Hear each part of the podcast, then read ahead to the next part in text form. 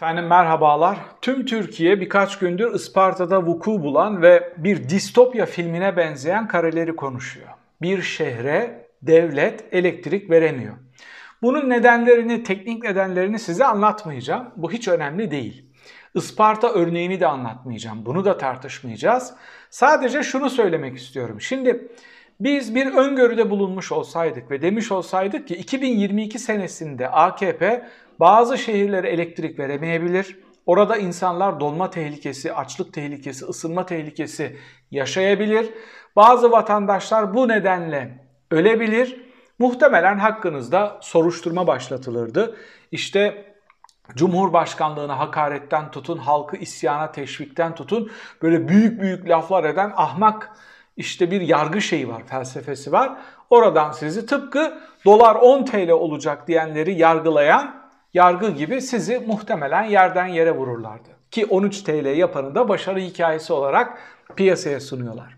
Şimdi Isparta'da izlediğiniz distopya filmi bir demo. Siz bir demoyu izliyorsunuz. AKP rejimi bu şekilde yoluna devam eder. Bir seçim daha kazanırsa yakın gelecekte tüm Türkiye'nin yaşayabileceği şeylerin ilk sinyallerini görüyorsunuz. Peki burada sormamız gereken en önemli soru şu. Şimdi daha önce bir başarı yakalamamış olsa, daha önce tüm İslam coğrafyasına rol model diye sunulmamış olsa, daha önce dünyanın en hızlı büyüyen, Çin'den sonra en hızlı büyüyen ikinci ekonomisi konumuna yükselmemiş olsa biz bu soruları sormazdık. Ama şimdi şu soruyu sormamız gerekiyor. Ne oldu? Ne değişti? Türkiye ya da AKP bu iflas çukuruna niçin sürüklendi ve AKP'nin bu iflas çukurundan çıkma ihtimali var mı? Rol model ülke olarak gelip bir, is, bir iflas çukurunda final yapan, geçmişte rol model ülke olarak üniversitelerde okutulup gelecekte bir iflasın case study'si, bir alan çalışması olarak okutulacak olan AKP rejiminin içine düştüğü iflas serüvenini özetliyorum.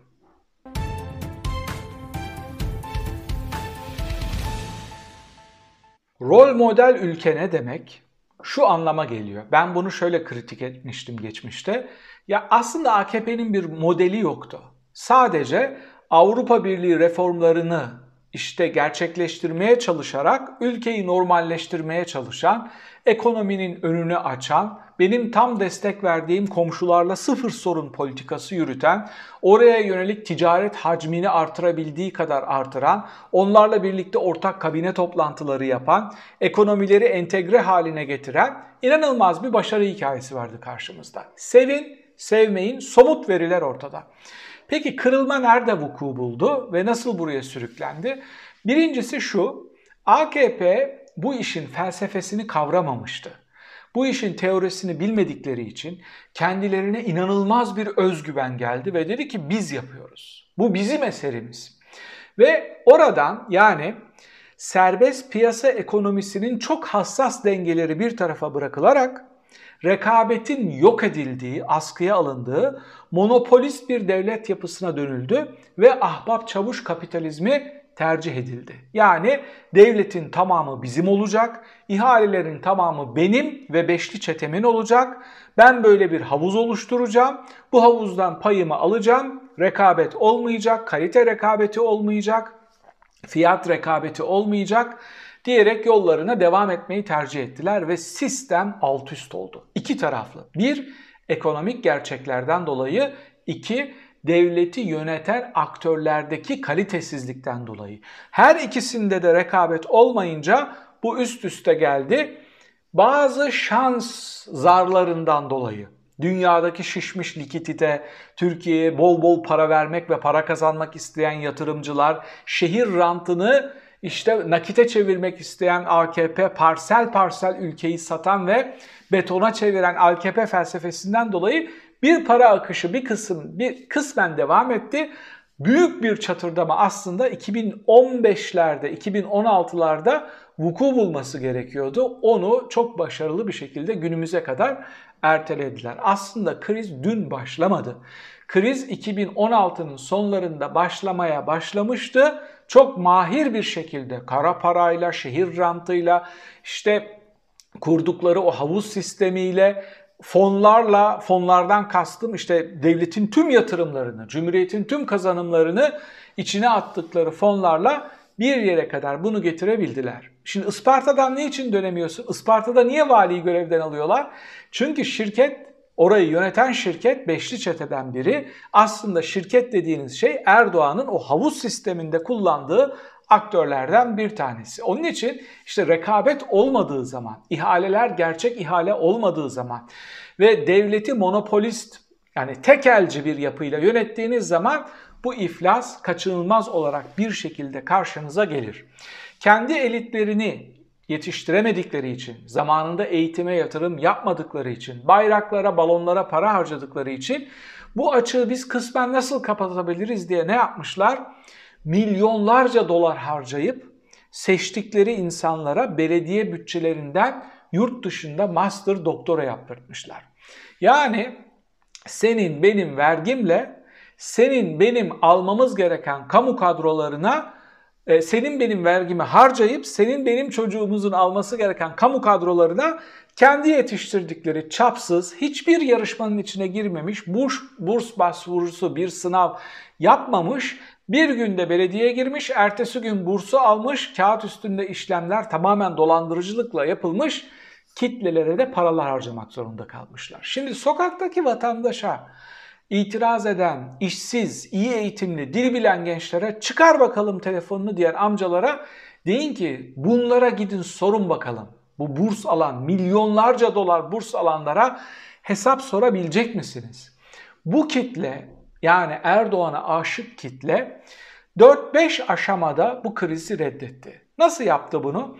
Önce dediler ki kriz vardır ama bu kriz işte Türkiye'nin güçlenmesine isyan eden, bunu kaldıramayan dış güçlerin eseri. Ondan sonra kriz birazcık daha büyüdü ve dediler ki evet kriz var ama bu pandemiden dolayı. Sadece bizde değil, tüm dünya pandemiden dolayı enflasyon artmış durumda, isyan fırlamış durumda. Normal bir şey, küresel bir şey bu. Sonra işte yurt dışından veriler aktarılmaya, onlarla tartışılmaya başlanınca dediler ki ya dolarla bizim işimiz ne? Yani dolar artıyor ama bizim bununla hiçbir işimiz yok. Ben ne maaşımı dolarla alıyorum damadın dediği gibi ne de dolarla ödeme yapıyorum. Ne de dolarla kredi çekmişim. Bana ne dolar artıyorsa artsın. Yani iktidar yoluna devam ediyor. En son aşamada ise her şeyi kabullendiler ve şunu dediler. Evet bir kriz var AKP de bunu pompalıyor ama bunu yine reis çözer.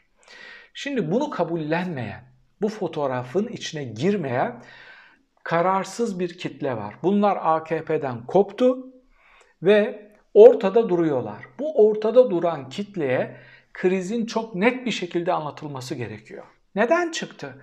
Temel soru, başlangıçta sorduğumuz soru şu. Rol model ülkeydiniz. Yani Türkiye'yi rol model yapan bence şuydu. Avrupa Birliği normlarını Müslüman bir toplum olarak reforme edip gerçekleştirebilen bir iktidardı. Yani AKP bir rol model miydi? Evet. Bir modeli var mıydı? Hayır. Onu rol model yapan neydi? AB normlarını Müslüman bir toplumla birlikte içselleştirebilip ifa etmeye çalışan bir aktör olmasıydı. Bunu tamamlayıp başarabilseydi inanın tarihe geçeceklerdi. Yani gerçekten insanlık tarihine geçeceklerdi. Müslüman, muhafazakar, demokrat diye bir adres oluşmuş olacaktı. Şu anda Müslüman, tek adam rejimine inanmış, antidemokrat, otokratik, yolsuz ve müflis bir model oluştu. Bunu yapamadıkları için yani bunun arası yoktu. Bunu göremedi Erdoğan. Hani birazcık otokrat olunmuyor, birazcık hırsız olunmuyor, birazcık yolsuz, birazcık işte sistemi manipüle edebilecek veya e, ahbap çavuş kapitalizmi yürütebilecek şekilde yollarına devam etme şansı yoktu. Oraya dümeni kırdığın zaman orada bir girdap var. O girdapın içine çekti ve kendi başarı hikayelerini anlata anlata anlata dibe doğru bir vurguyla o girdabın içinde iflas etti. Peki neden? Neden bu iflas vuku buldu? Yolsuzlukları ortaya çıkınca bir kere yargıyı askıya aldılar. Yargı 2014'te kazanılan HSYK seçimiyle birlikte parti devletine ve parti yargısına dönüştü. Hızlı bir şekilde avukatları hakim yaptılar, partili avukatları. Yargı sistemi kılcallarına kadar ele geçirdiler. Yargının olmadığı bir yerde ekonomi işlemez. Adaletin olmadığı bir yerde iflas gelir. Şimdi şunu diyorlar. Ya otokratik rejimler var işte Çin gibi vesaire onlar nasıl ayakta duruyor ekonomileri işliyor? Adalet işliyor. Orası hep otokratikti. Gerçeklerini onun üstüne inşa ettiler. Buradaki durum öyle değil. Burada ne yargı işliyor, ne adalet var, ne rekabet var. Onlar piyasa şartlarını uygulamaya çalışıyorlar. Ahbap çavuş kapitalizmi gibi sadece her şeyi kendi yandaşlarına dağıtmak gibi bir şeyleri yok, bir modelleri yok. İkincisi dış politikada o sıfır sorun felsefesi, komşularla sıfır sorun ve çok başarılı yürüyen gerçekten Cumhuriyet tarihinin en başarılı dış politika örneklerinden bir tanesidir. O sıfır sorunu ifa ettikleri dönem. Suriye ile gidip geliyorsunuz, köprüleri açıyorsun, yatırım, bavul ticareti, ortak kabine toplantıları. Buradan neye döndüler? Ne Osmanlıcı, Sünnici ve İhvan-ı Müslümin, Müslüman Kardeşler Hareketi'ni bir AKP şubesi gibi onlara parti açtırtıp onlar üstünden Arap coğrafyasını yönetmeye kalkan emperyal bir dış politikayla hem ülkenin imajını mahvettiler, hem ülkenin ekonomisini mahvettiler, hem oralarda yeşerme ihtimali olan demokrasiyi e, yok ettiler. Hem oralardaki iç savaşı kızıştırdılar hem de inanılmaz bir şekilde onun faturası olarak göçmenleri almak zorunda kaldılar. Bunların üstüne akıl, bilim, diplomasi, strateji gibi tüm kavramlar yok edildi. Neden? Çünkü tek adam rejimlerinde bir tane güneş vardır ve herkes ona yönelir, ona tapar, ona biat eder. Akılla, bilimle, stratejiyle değil, onu mutlu edecek. Onun oy oranlarını artıracak. Onun tekrar prestijini artıracak şekilde herkes oraya yönelir. Yani devlet milletin devleti olmaktan çıktı tek adamın devleti oldu. Koskoca devlet tüm PR şirket kurumlarıyla birlikte bir PR şirketine dönüştü ve Erdoğan'a çalışan bir ticaret hane gibi işlemeye başladı. E bunların üstüne zaten bir de bahsettiğim gibi bir de o kilit noktalara inanılmaz bir cahil kitle gelince zeki insanların çocukları mülakatlarla elenip bir de devletin içindeki kalite sıfırlanınca çöküş kaçınılmaz oldu. İflas gelince ekonomik krizi toparlayamayacaklarını anlayınca işte o rant ekonomisi sınırlarına gelince inşaat üstünden daha fazla ülkeye para sokamayacaklarını görünce bir seçimi kazanmak için hayda para bastılar, hayda dövizleri bozdurup piyasaya sürdüler ve burada bir iflas sarmalına girildi artık. Bu sarmaldan AKP'nin çıkma şansı yok. Bu yapıyı bu şekilde görüp kitlelere anlatabilirseniz buradan çıkma şansı yok. Bu bir sarmal, bu bir çukur. Bu çukur, bu çukurun ilk demosunu Isparta'da izlediniz. Şayet bu çukurda yolunuza devam ederseniz, çılgın projelerle, ahbap çavuş kapitalizmiyle kendi yandaşlarına ihale dağıtıp oradan pay alıp döviz garantili, geçiş garantili, yolcu garantili, hasta garantili yatırımlar karşılığında kullanmadığınız şeylerin döviz karşılığından parasını ödeyen hiçbir hazineye, hiçbir bütçeye can dayanmaz. Bu bir sürpriz değil, bu bir müflis ekonomidir. Bu müflis ekonomiden çıkış olamayacağını kitlelere muhalefet anlatabilirse bu işi çözerse reis çözer saçmalığından yani bu iflasın baş aktörü, müsebbibi olan aktörü çözüm olarak sulma saçmalığından da kitleleri vazgeçirmiş olursunuz. Yani özetle şunu söyleyebiliriz. Isparta ölçeğinde siz bir demo izlediniz. Erdoğan'ın bir manevra alanı kalmamıştır. Orada elektriği götüremeyen ahbap çavuş kapitalizmidir, yolsuzluktur, yargının askıya alınmasıdır, nepotizmdir. Onun için bu sistemi inşa edenlerin çözüm olma ihtimali olmadığı için tıpkı Orta Asya Cumhuriyetlerinde olduğu gibi. Ne demiştim size? Orta Asya Cumhuriyetlerinde bir şeyler vuku bul, kötüye gittiği zaman devlet başkanı hemen başbakanı görevden alır. 2-3 tane bakanı canlı yayında fırçalar ve kurtarıcı olarak kendini sunar. Valiyi görevden aldılar. Görevden almanız gereken sizsiniz.